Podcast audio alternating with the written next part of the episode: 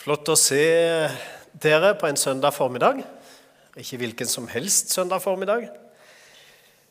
Jeg tenker at alle søndager er unike og er viktige. Akkurat som alle andre dager. Og Samtidig er eh, det Guds og vår dag på en spesiell måte. Og Derfor er det fint å samles. Godt å se dere. Ser dere fortsatt, sjøl om jeg har lys i øynene? Det hender at eh, jeg har leda eh, eller eh, talt en sjelden gang på Liv og Vekst, storstevne i Grimstad om sommeren, som det ikke ble noe av i år, naturlig nok. Og Da er det sånn at jeg ser ikke ett ansikt, altså. og så skal han forestille seg at det sitter 1000 mennesker eller 1500 eller Eller sånn som det har vært i vår, der han ser inn i et sånt lite kameraøye, og det er helt mørkt. Det er veldig bra å se, eh, se mennesker se ansikter. Det eh, sier faktisk Gud noe om. Det å stråle ut fra et ansikt, eller det å se hverandre. Øyne snakkes det mye om i Bibelen nå. Eh, Guds øyne, Guds ansikt. Gud stråler egentlig på en måte som Vi kan ikke se hans ansikt. Det hadde vi ikke tålt engang. Eh, slik er Guds ansikt kraftig og strålende og lyst. Men en gang så skal vi se Han. Og Da står det at vi skal se Han ansikt til ansikt. Det er flott. Så eh, det er godt med ansikter, og det er godt å se dere. Og I dag så deler jeg altså en tekst som har noe med forsoning å gjøre. Har noe med det at vi kommer nærme hverandre og gjør opp med hverandre og gjør opp med Gud. Det har kalt 'ta imot og gi videre'. En eh, type tjeneste. Eh, og Det tror jeg er en viktig tjeneste. Og Jeg vil eh, lese en tekst fra andre Korinterbrev. Det er en Paulus-tekst som er flott, altså. Så kjenner vi ikke lenger noen bare på menneskelig vis. Og har vi ført kjent Kristus på menneskelig vis, så kjenner vi ham ikke lenger slik. Nei, den som er i Kristus, er en ny skapning. Det gamle er borte, det nye er blitt til. Men alt er av Gud, Han som ved Kristus forsonte oss med seg selv og ga oss forsoningens tjeneste. Og Det vil jeg si litt om i dag. Så i tillegg til å bli et Guds barn, så har vi fått en tjeneste. Det er en slags inn- og utbevegelse. Um, I og Det slår meg på en måte Den aronittiske velsignelse. Rundt der så står det at uh, vi skal gå inn og ut. Uh, det vil si at uh, liksom både komme nær Gud og gå fra Han i den måten at Han sender oss videre. Være nær Gud og gå videre. Vi er alltid nær Gud, men søker Han, og så deler det med andre. Det er en god sånn vekselsvirkning i det. Ta imot og gi det videre. Vi har blitt satt inn i en ny verden. Jeg vet ikke hvordan du tenker om en helt ny verden. Det står at en dag så skal jo Gud gjøre alt nytt. Altså Hele verden skal han gjenskape, og det skal komme en ny himmel og en ny jord. og Det kunne jeg gjerne talt mye om i dag. Det er flott, altså. Men her står det at vi har blitt en ny skapning. Alt er blitt nytt. En ny verden har rett og slett blitt til. Det er oppstått en ny verden, og det er et verk av Gud ved Den hellige ånd. Um, og Så tenker du hvordan går det til? Ja, det er det mange som har lurt på. Til og med en skriftlærd i Jerusalem, en som var høyt utdanna teologisk, han kom til Jesus om natta. står det. Åssen kan det egentlig gå til å bli på en måte født på nytt eller bli helt ny igjen når han er gammel? Ja. Og Så stiller Jesus det der merkelige spørsmålet Og du kan Skriften og vet ikke dette her? Eh, jeg ble stilt et sånt spørsmål i, i, Afrika en gang. Et vanskelig spørsmål som jeg ikke husker hva var for noe. Så sa jeg det kan jeg ikke svare på her og nå. Det var en intellektuell type, en lærer på, på kollegiet, som spurte meg, en afrikaner, og så sa Kan ikke du som er pastor, svare på det? Det hadde han aldri hørt noen pastor hadde innrømmet at de ikke kunne svare på alle spørsmål. Da tenkte jeg det var godt at du fikk høre det før eller siden, da, at ikke vi heller kan alt. Nei, Nikodemus, som han hette, han som kom til Jesus om natta, han kunne ikke heller forstå det. Og Sånn er det. Det er noe som ikke vi forstår, som vi må bare ta til oss og tro på, eller la være. Eh, det er ikke sånn at vi kan gripe rundt alt eller forstå alt. Alt er blitt nytt. Det nye har blitt til, sier Bibelen. Tror vi det? Er vi bevisst oss at vi er satt inn i en ny verden? Ja, det står til og med at vi kan kjenne Jesus eller forstå Jesus på én måte, sånn rent menneskelig, men ved at vi er blitt hans barn, Den hellige ånd har flytta inn i oss, så forstår vi han helt annerledes. Det vil si, alle mennesker kan ha en mening om Jesus. Eller ha en forståelse hvem han er, eller ha en mening om hva han gjorde, eller hva vitsen var ved at han skulle være så fremtredende. Og det må vi akseptere, at alle kan ha en mening om det. Til og med Bibelen sier det. Alle kan det. Men slik forstår vi ikke lenger Kristus, står det, når vi har fått del i Han og har blitt en del av Guds rike. Og Det er si, den store forskjellen, den nye verden vi er satt inn i.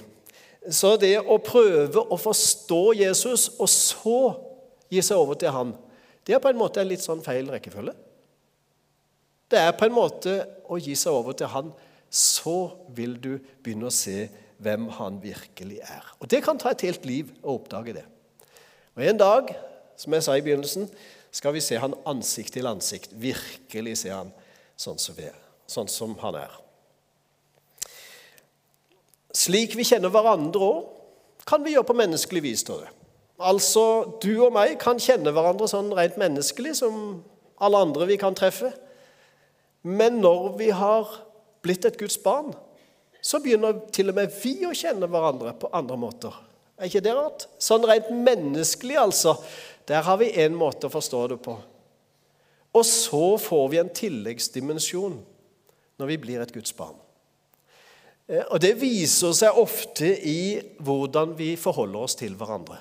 Og Så tenker du ja, men alle kristne er vel ikke gode og så videre, og snille og høflige og bare Nei, og noen av oss, og de fleste av oss, vil jeg tro, har en vei å gå uansett. Men noe nytt også har blitt til på det feltet der. Vi begynner å kjenne hverandre på en ny måte.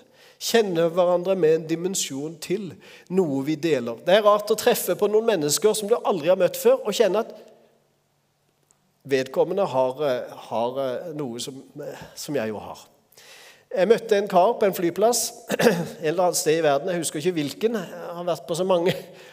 Jeg hadde aldri sett den før. Aldri snakka med vedkommende før. Vi ble bare sittende og vente på fly som skulle gå. Og satt et sånt par seter fra hverandre, og vi kikka på hverandre. så eh, Det var noe som forbandt oss sånn helt sånn intuitivt. Etter hvert, eh, etter sånn par høflige ord og prata litt, så så spurte jeg rett og slett «Eh, tror du på Gud.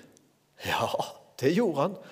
Og det skjønte han at jeg òg gjorde. da. Og dermed så fikk vi en flott samtale. Jeg har aldri sett den siden heller. Men det var noe som var et kontaktpunkt som var helt uforklarlig. På grunn av at vi hadde noe felles i Gud. Vi hadde ikke noen ting alt felles, vil jeg tro i det hele tatt. Han var ikke norsk.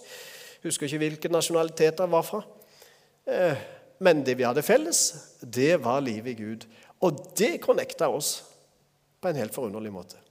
Vi har en dimensjon mellom hverandre, vi som har fått Den hellige ånd inn i livet, har blitt et Guds barn, sagt ja til Jesus. Innstillingen til våre medmennesker er viktig, og den eh, trenger en ny dimensjon av og til. Jeg vet ikke om du eh, har lagt merke til eh, når du kom inn På venstre side av inngangsdøra til salen altså, så står visjonen vår.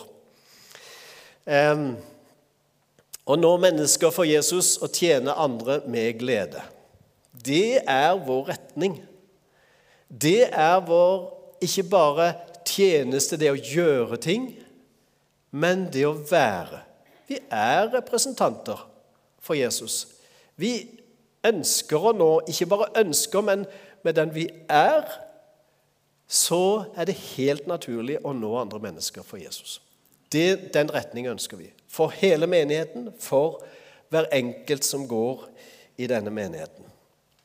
Og så ønsker vi å tjene andre med glede. Og Legg merke til at det står 'tjene andre med glede'. og Det er veldig eh, gjennomtenkt, altså, den setninga der. Eh, det er ikke bare hverandre, det er ikke bare sånn internt i en liten klikk eller med de nærmeste kristne vennene, eller, eller bare de som går i en menighet. Det tjener rett og slett andre mennesker. Og da kan det bli hvem som helst som du treffer på din vei, som du kommer i kontakt med. Det skal vi ha en intensjon om å tjene med glede. Så er ikke det noe tungt. Det er med glede vi skal gjøre det. I dag så las vi fra Paulus brev til korinterne, og der står det noe om en ny tjeneste. En eh, forsoningens tjeneste. Forsoning det er jo kanskje et litt sånn gammelt ord. Men hva betyr forsoning? Jo, det betyr å føre to parter, minst, sammen. Og få det forholdet der til å bli greit og fungere, og på en måte å skape fred i et forhold. Og det kan være utfordrende for mange av oss. I våre menneskelige relasjoner osv., osv. I ekteskap eller hva som helst. Det å forsone seg med det. Og Da er det ikke sånn at én bare gir etter, og den andre får all rett. Nei, da er det noe som må gå noen stykker, alle sammen. Vi må finne sammen, på en måte. Og så blir det en forsoning ut av noe som ikke var forsont fra før. Det vil si, vi kommer fra et sted og kommer til et nytt sted. Eh, vi kan bruke et annet menneskelig ord på det, som ikke Paulus bruker, og som ikke er det bibelske meningen med det, og det er megling. Ja, vi har mye meglinger i samfunnet. Vi har um, konfliktråd, vi har eh, mange typer eh, terapeuter osv. som driver med megling. Å få to mennesker eller flere til å samarbeide eller legge ned stridsøksa eller på en måte finne hverandre på nytt igjen. Her er det ikke megling det står. Det står forsoningens tjeneste, og det er veldig viktig å få tak i. Det er altså ikke hvilken som helst tjeneste, men forsoningens tjeneste. Er det liksom å Har vi fått og da stiller jeg spørsmål, har vi fått en tjeneste der vi liksom skal dra Gud inn, og så dra mennesker inn og få de til å bli enige? Nei, sånn er det ikke. Gud har gått lenger enn langt for å forsone seg med oss. han. Vi trenger ikke gjøre noe med Gud. Ikke kan vi det heller. Men Jesus har gjort alt som trengs for å bli forsona med Gud. Det er andre mennesker vi skal hjelpe, eller tilby vår hjelp, eller gå sammen med for å komme i kontakt med Jesus Kristus. Det er forsoningens tjeneste. Ikke å føre Gud og mennesker sammen med at vi må dra Gud og dra mennesker. Den tanken kan vi bare la ligge. Så det er ikke en normal megling mellom to ulike parter. Nei, det er rett og slett å være med å hjelpe mennesker til å komme i kontakt med Gud. Kan vi det som mennesker? Ja, det er et element av det overnaturlige i det, som Den hellige ånd må skape. Vi kan ikke det bare sjøl, men vi har fått en del av den tjenesten. Og Derfor har han gitt oss forsoningens tjeneste. Det er noe spennende i det. Jeg har vært med på mye, mange meglinger, altså. Eh, jeg skal ikke si hvor, jeg skal ikke si når. Rundt i Norge. Enten med det ene eller det andre. Eh, jeg har vært i lønnsforhandlinger. Jeg sitter i personalorganisasjonen av alle ting i Misjonskirken Norge og driver med forhandlinger mellom parter. og skal prøve, og Da må alle gi og ta litt eh, for at en skal bli enig i det hele tatt. Har ingenting med det å gjøre. Det er en megling, det er en forhandling. Dette er forsoning. Gud har gjort mer enn nok, og han har gått lenger enn langt. Jesus sa en gang når eh, når uh, han ble spurt hvor langt skal vi gå altså, for å bli, komme til rette med våre medmennesker. Ja, du skal gå langt, sa Jesus. Uh, du skal gi han jakka di hvis det er det som trengs. Eh, du skal gå en mil til hvis det er det som trengs. Du skal tilgis sju ganger 77 hvis det er det som trengs. Altså, Jesus har gjort det der, der mer enn langt. Det er oss som kan være med og gå sammen med andre for å møte Gud. I Det gamle testamentet, og det er en flott sak, i Det gamle testamentet så står det noe om den store soningsdagen, eller forsoningsdagen. Det var israelittene, det israelske folk, som hadde religiøse høytider i løpet av et år. Og på én dag i året, selv om det skjedde mange dager, men dette var en spesiell dag, så var det den store soningsdagen, forsoningsdagen. Da ble det ofra dyr, og det ble sagt fram bønner, og det ble gjort mye den dagen. For på en måte å sone synd. Det var den måten de eh, symboliserte det på den gang. Selv om det var Gud som, bare Gud som kunne tilgi synd, uansett. Hva kom etter den store soningsdagen? Jo, da kom det jubelåret. Det 50. året. Det, det frigivelsesåret. Jubelåret kom da. Eh, så etter en forsoningsdag så ble det jubel. Og Det har jeg tenkt på mange ganger. Det er liksom ikke sånn at vi må sette oss ned og gråte for ting vi har forlatt. Nei, ting vi kommer til, skal vi juble for. Så det er en del mennesker som tenker at skal jeg forsone meg med Gud, da må jeg slutte med det og det og det, og da kan jeg ikke gjøre det mer, og da kan jeg ikke ha det moro lenger. Det blir et traust liv, men jeg må det vel. Og Dermed får du den tanken at ja, jeg skal gi meg over til Gud før jeg dør, i hvert fall. For det er viktig liksom på den andre sida, men her så må jeg leve eh, så fritt jeg kan uansett. Og så utsettes det med å forsone seg med Gud. Men Bibelen snur det helt på hodet. Den sier at det å komme til Gud, det er jubel og glede, det. Det er det gode livet, det.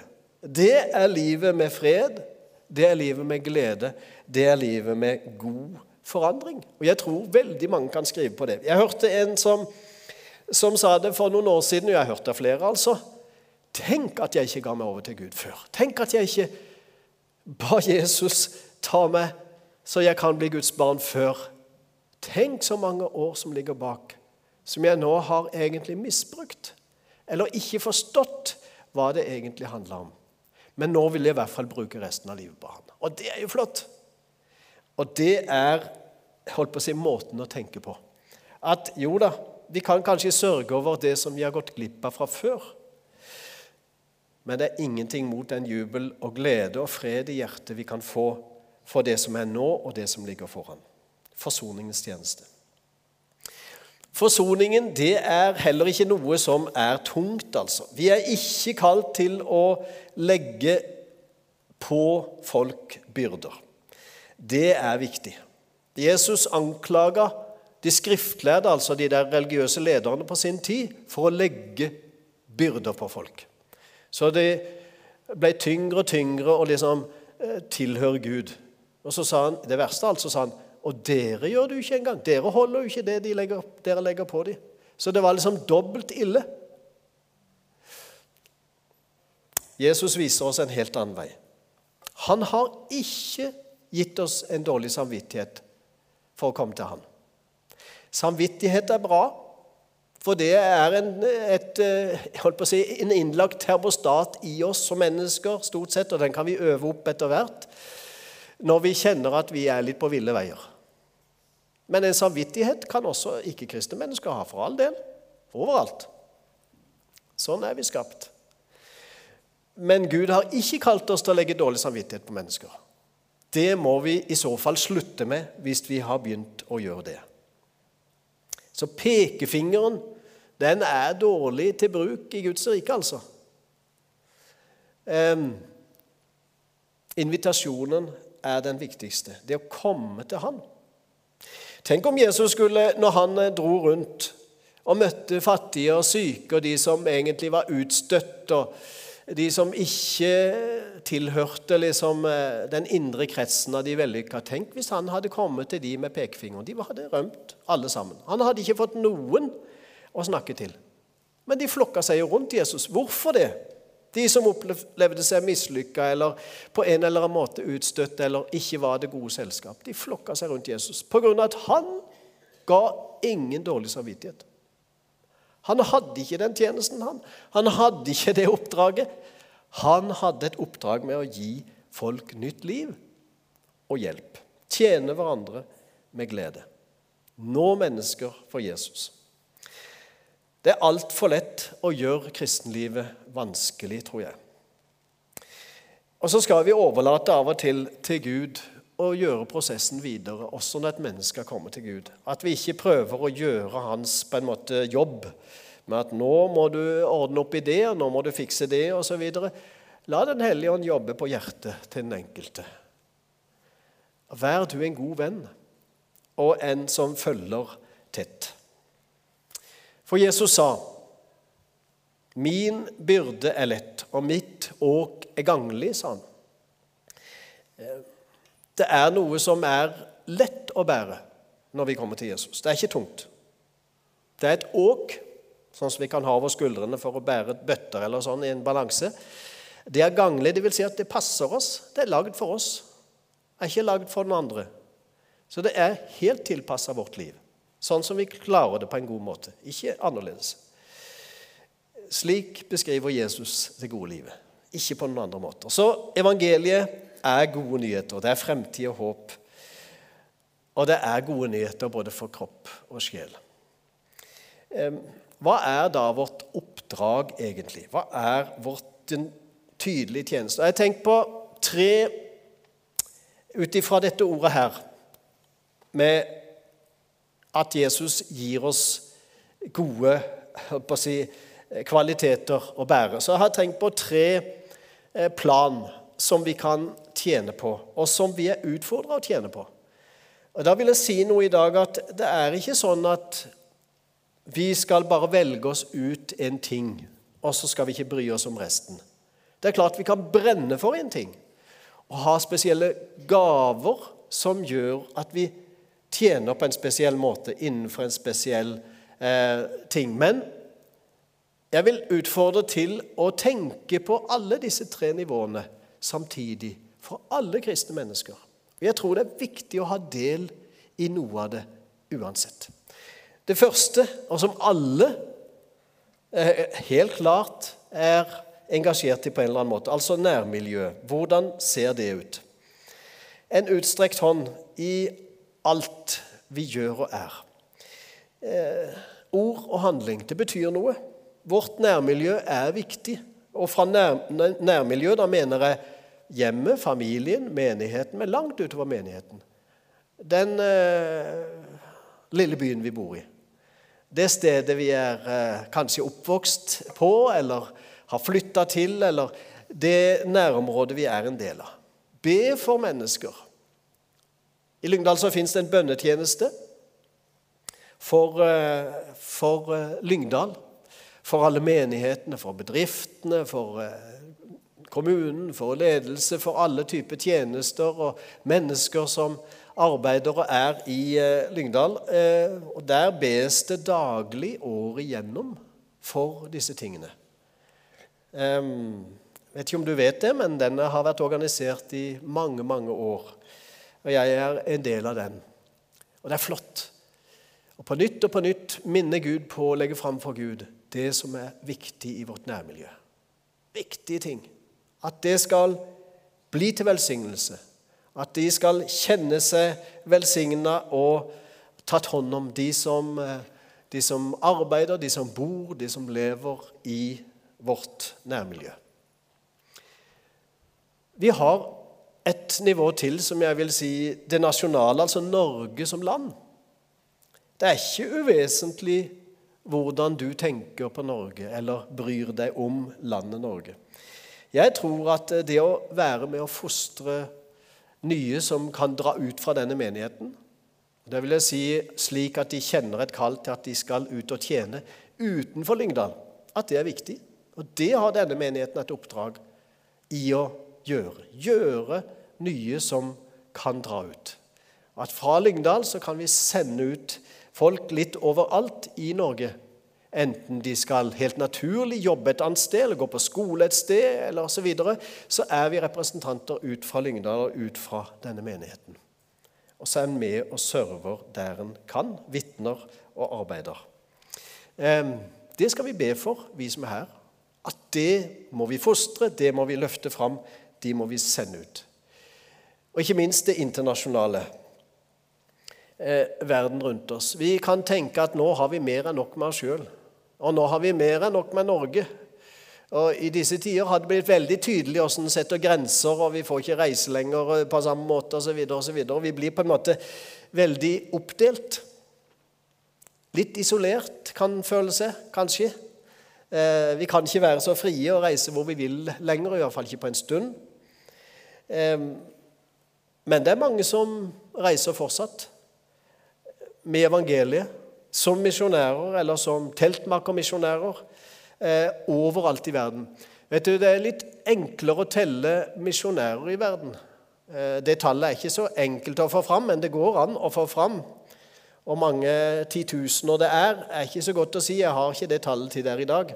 Men det tallet det ikke går an å få fram, det er teltmakermisjonærer. Det vil si at de som arbeider en helt vanlig jobb i et land, og som har reist ut fra sitt eget land, men som innerst inne kjenner på dette er mitt kall for å gi evangeliet videre. De fins det ufattelige mengder av. Jeg var i, jeg var i Thailand på en Lausanne-konferanse eh, på begynnelsen av 2000-tallet for å være med i, eh, fra Norge med ei gruppe på 30 som eh, fikk spesielle si, muligheter til å møte alle verdens kristne ledere. Vi var 3500 på den konferansen. Det var en fantastisk opplevelse. Det, ja, det må jeg bare si. Men vi ble satt i grupper hvor vi skulle arbeide innenfor noen områder. Komme fram med en erklæring eller komme fram med en, en plan eller, eller, en tenkning. Og jeg ble satt i det med teltmakertjeneste. Det vil si at de som arbeider i et land, et annet land enn der vi kommer fra, men som har en helt bevisst tjeneste på at de formidler evangeliet, gir evangeliet videre, er i forsoningens tjeneste og da oppdaga jeg at dette er kjempestort, altså. Det tallet er uendelig stort. Da fikk jeg f.eks. bare fra et land som Filippinene. Det er jo ikke et lite land, det. da, Det er mange innbyggere. Men der er det titusener av filippinere som har reist rundt i verden og er teltmakermisjonærer. Særlig i muslimske land, rett og slett. Eh, som er hushjelper, som er eh, fagarbeidere, som er teknikere, som er ingeniører osv., men som har som sitt store kall å bringe det evangeliet de, ble møtt med som ung hjemme, og bringe det videre. Og Jeg så på kanskje ett altså av ja, Kanskje det er det landet i verden som sender ut flest teltmakermisjonærer. Det er Filippinene. Kina kommer godt etter. Eh, og Det fins enorme tall på dette. Det figurerer ikke på nyhetene. det skal du vite. Og De ønsker ikke å bli sånn fremstilt heller som teltmakermisjonærer. Du får aldri rede på navn, og du får aldri rede på hvor de er, og hvem de er. Men når du spør bakenforliggende organisasjon eller, eller de som har kjent med det, så skjønner du at mengden er helt enorm. Det internasjonale arbeidet. La oss be for det. La oss gi til det ut ifra denne menigheten, så er også vi en del av det store arbeidet i forsoningens tjeneste. Jeg skal ikke preke lenge i dag. Jeg tror jeg snart skal avslutte. Og jeg skal si at menighet, hva er det? Og så kunne jeg sagt veldig mye om det. Men menighet har aldri vært Guds mål i denne verden. Menighet har alltid vært et middel. Det vil si at det er evangeliet som skal videre. Og menigheten er en viktig si, Du kan bruke hvilken tone du vil. Institusjon eller organisasjon eller organisme som tar hånd om det. Det er en kraftstasjon og en sendestasjon for videre tjeneste. Derfor trenger vi menigheten. Derfor er vi menighet. Menigheten blir ikke den samme i himmelen engang. Vi blir ikke Lyngdal misjonskirke i himmelen. Det blir veldig greit å ikke skulle identifisere seg fra Lyngdal sånn. Vi blir Guds barn fullt og helt, og da blir den store forsamlingen. Allerede nå er vi en del av en kjempestor menighet, men som vi ikke på en måte kjenner på alle måter. Vi kjenner mer eller mindre hverandre, vi som er her. Vi vet hva Lyngdal er, vi vet hva Misjonskirken Lyngdal betyr og skal være. Nå mennesker for Jesus og tjene andre med glede. Men vi er et middel for å føre evangeliet og det gode tjenesten videre. Og Jesus sender oss og gir oss budskap og kraften og gleden med på veien. Det er sånn at eh, Han har aldri utfordra noe menneske uten at han er med oss.